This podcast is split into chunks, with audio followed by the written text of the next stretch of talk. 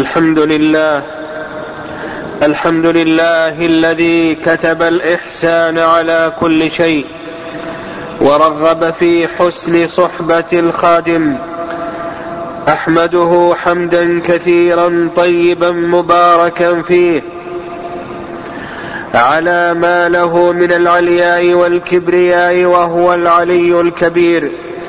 وأشهد أن لا إله إلا الله وحده لا شريك له ليس كمثله شيء وهو السميع البصير وأشهد أن نبينا ورسولنا البشير النذير والسراج المنير صلى الله عليه وعلى آله وأزواجه وأصحابه المسارعين في الخيرات ومن تبعهم بإحسان إلى يوم الدين. أما بعد فأوصيكم ونفسي بتقوى الملك القدوس. فتقوى الله تعالى خير لباس تسربلت به النفوس. يا أيها الذين آمنوا اتقوا الله حق تقاته ولا تموتن إلا وأنتم مسلمون. عباد الله إن الله تعالى قسم بين خلقه المعايش قسم بين خلقه المعايش في هذه الحياة ورفع بعضهم فوق بعض درجات ليتخذ بعضهم بعضا سخريا. سخر بعضهم لخدمة بعض وأوجب فيما بينهم حقوقا عباد الله ومع كثرة الأعباء والمشاغل الدنيوية فقد رغب الشارع الحكيم أن يستعين المسلم والمسلمة ببعض الأسباب المعنوية المعينة على هذه المشاغل. فمما يعين المؤمن والمؤمنة على أعبائه ومشاغله الدنيوية أن يسبح الله ثلاثا وثلاثين وأن يحمده ثلاثا وثلاثين وأن يكبره أربعا وثلاثين عند النوم. فقد أخرج البخاري ومسلم عن علي بن أبي طالب رضي الله عنه قال إن فاطمة رضي الله عنها اشتكت ما تلقى من الرحى في يدها.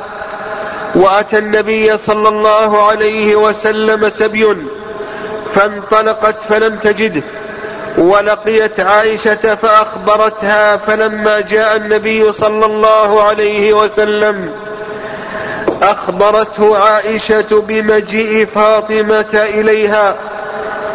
فجاء النبي صلى الله عليه وسلم إلينا. وقد أخذنا مضاجعنا فذهبنا نقوم. فقال النبي صلى الله عليه وسلم على مكانكما. فقعد بيننا حتى وجدت برد قدميه على صدري ثم قال ألا أعلمكما خيرا مما سألتما؟ إذا أخذتما مضاجعكما أن تكبر الله أربعا وثلاثين وتسبحاه ثلاثا وثلاثين وتحمداه ثلاثا وثلاثين فهو خير لكما من خادم. فقال علي ما تركته منذ سمعته من النبي صلى الله عليه وسلم. قيل له ولا ليلة صفين. قال ولا ليلة صفين. ومن ذلك أن يستعين المسلم بكثرة الاستغفار وقراءة القرآن. عباد الله وإذا احتاج المسلم إلى خادم في قضاء حاجاته فعليه أن يقوم بمراعاة حقوق ذلك الخادم. وإذا احتاجت المسلمة إلى خادمة في أعمال منزلها فلا بد أن يكون مجيء هذه الخادمة وفق الشروط الشرعية. وقد قال الشيخ صالح البليهي رحمه الله استقدام الخا استقدام الخادمة لا بد له من شروط أربعة. الشرط الأول أن تكون مسلمة والشرط الثاني أن تكون بمحرم والشرط الثالث أن يكون ذلك لحاجة والشرط الرابع أن تلتزم حجابها. عباد الله هؤلاء الخدم إخوانكم وخولكم جعلهم الله تحت أيديكم فقوموا بحقوقهم. من حقوق الخادم أن يعطيه أن يعطيه سيده أجره كاملا. فقد روى أبو هريرة رضي الله عنه عن النبي صلى الله عليه وسلم قال قال الله ثلاثة أنا خصمهم يوم القيامة رجل أعطى بي ثم غدر ورجل باع حرا فأكل ثمنه. ورجل استأجر أجيرا فاستوفى منه ولم يعطه أجره. رواه البخاري. ومن حق الخادم ألا تكلفه ما لا ما لا يطيق وألا تكثر عليه المسألة وألا تقابله إن قصر بالتأفف والعتب. روى أنس بن مالك رضي الله عنه قال خدمت رسول الله صلى الله عليه وسلم عشر سنين. والله ما قال لي أف قط ولا قال لي الشيء لم فعلت كذا وهلا فعلت كذا. رواه البخاري ومسلم. وتذكر وتذكر تقصيرك في حق مولاك وكن منه على وجل. واعف عما اقترفه الخادم معك من الزلل. يعفو الله عنك ويصفح. روى ابن عمر رضي الله عنه قال جاء رجل إلى النبي صلى الله عليه وسلم فقال يا رسول الله كم أعفو عن الخادم؟ فصمت النبي صلى الله عليه وسلم ثم قال يا رسول الله كم أعفو عن الخادم؟ فقال رسول الله صلى الله عليه وسلم كل يوم سبعين مرة. رواه أبو داود والترمذي. عباد الله من أذن لخادمه أن يتصدق بفاضل الطعام على الفقراء والمساكين والأيتام فهو شريك في الأجر. روت عائشة رضي الله عنها قالت قال رسول الله صلى الله عليه وسلم إذا تصدقت المرأة من طعام زوجها غير مفسدة كان لها أجرها ولزوجها بما كسب وللخازن أي الخادم مثل ذلك رواه البخاري ومسلم. عباد الله ومن حق الخادم عليك أن تشركه في مأكلك ومشربك وملبسك. فقد روى أبو هريرة رضي الله عنه أن النبي صلى الله عليه وسلم قال إذا أتى أحدكم خادمه بطعامه فإن لم, يجل فإن لم يجلسه معه فليناوله أكلة أو أكلتين. أو لقمة أو لقمتين فإنه ولي حره وعلاجه أي مشقة صنعه أي مشقة صنعه وتهيئته.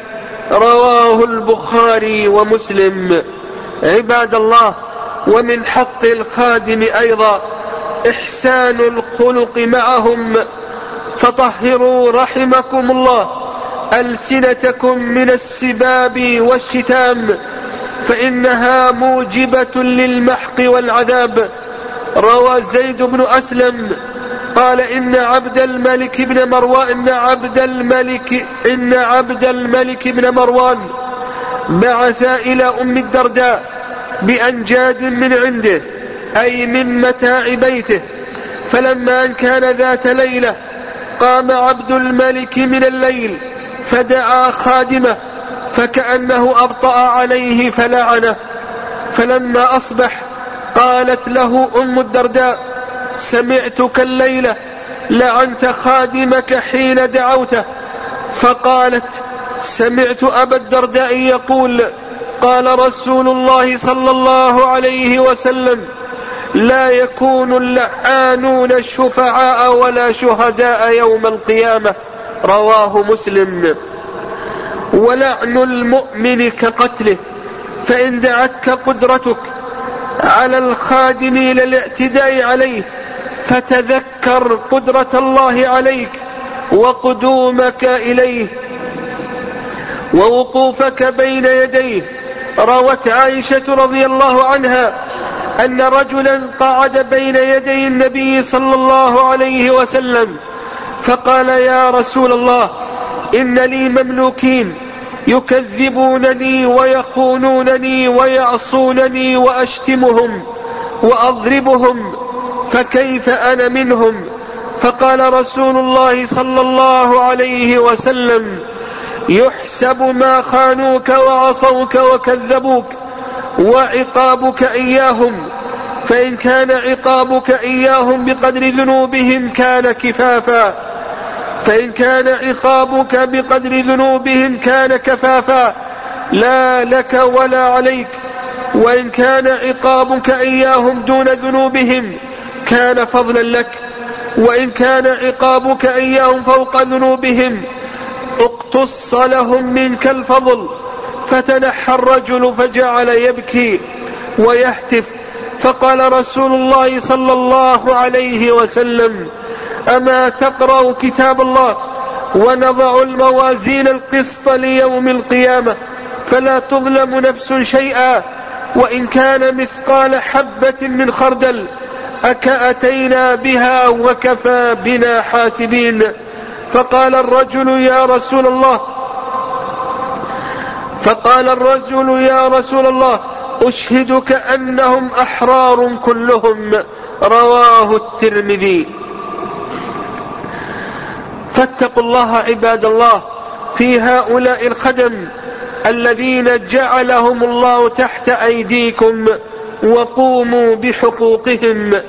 رزقني الله وإياكم الاستقامة على ما أمرنا به في كتابه وسنة رسوله صلى الله عليه وسلم. ووفقنا, لل ووفقنا للاعتصام بما كان عليه نبينا محمد صلى الله عليه وسلم. أقول ما سمعتم وأستغفر الله لي ولكم من كل ذنب. فاستغفروه إنه هو الغفور الرحيم.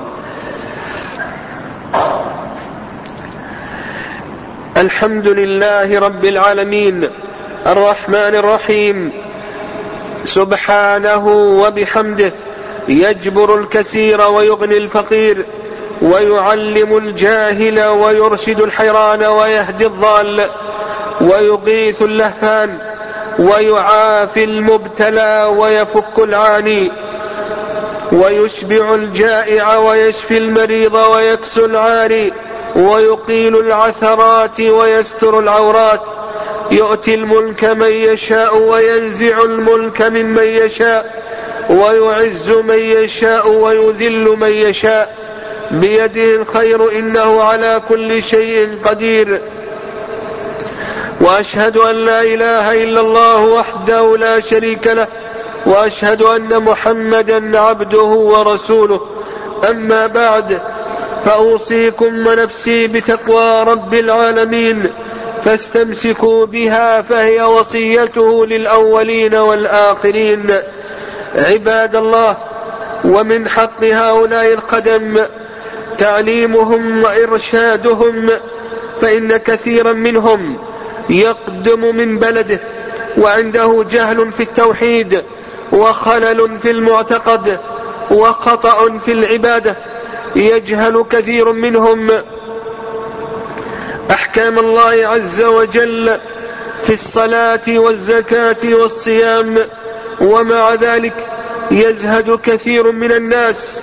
في تعليمهم وإرشادهم والأمر متيسر ولله الحمد ففي بلادنا فتحت مكاتب توعية الجاليات التي تعنى بهؤلاء الوافدين فتعقد لهم الدروس والمحاضرات وتطبع الأشرطة وتطبع الأشرطة والكتيبات في أحكام التوحيد. وأحكام العبادة. فيمكن للمسلم الذي عنده شيء من هؤلاء أن يزور هذه المكاتب وأن يفيد من أنشطتها لهؤلاء الوافدين كما أن مما يدخل في دعوة هؤلاء الوافدين دعم أنشطة هذه المكاتب. والمشاركة في مواردها المالية حيث إنها تقوم على صدقات المحسنين وتبرعاتهم. وخصوصا ما توجهت له هذه المكاتب من عمل أوقاف لدعم أنشطتها إذ إن هذا من الصدقة الجارية التي تبقى للمسلم بعد وفاته ويكون شريكا يكون شريكا لتعلم المتعلم وإسلام المسلم. فاستمسكوا رحمكم الله بهذه الحقوق والآجاء والآداب والخصال الكريمة وتخلقوا بها مع من جعلهم الله تحت أيديكم. فإنما يرحم الله تعالى من عباده القلوب. القلوب الرحيمة. اللهم أعز الإسلام والمسلمين وأذل الشرك والمشركين. اللهم عليك بأعداء الدين. اللهم عليك باليهود الظالمين والنصارى الحاقدين. اللهم اغفر للمسلمين والمسلمات والمؤمنين والمؤمنات الأحياء منهم والأموات. اللهم إنا نسألك من الخير كله عاجله وآجله. ما علمنا منه وما لم نعلم. ونعوذ بك من الشر كله. عاجله وآجله. ما علمنا منه وما لم نعلم. اللهم إنا نسألك من خير ما سألك منه. نبينا محمد صلى الله عليه وسلم.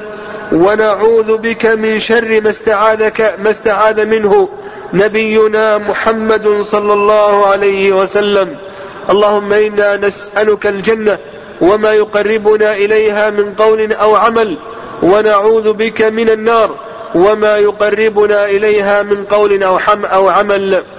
اللهم إنا نعوذ بك من عذاب جهنم ومن عذاب القبر ومن فتنة المحيا والممات ومن فتنة المسيح الدجال. اللهم صل وسلم وبارك على نبينا محمد وارض اللهم عن صحابته أجمعين واخص منهم الأئمة المهديين والخلفاء الراشدين أبا بكر وعمر وعثمان وعلي وعن بقية العشرة المبشرين وعن بقية صحابة نبيك أجمعين. اللهم آمنا في أوطاننا وأصلح أئمتنا وولاة أمورنا. اللهم اجعلهم محكمي لكتابك وسنة رسولك محمد صلى الله عليه وسلم. ربنا آتنا في الدنيا حسنة وفي الآخرة حسنة وقنا عذاب النار.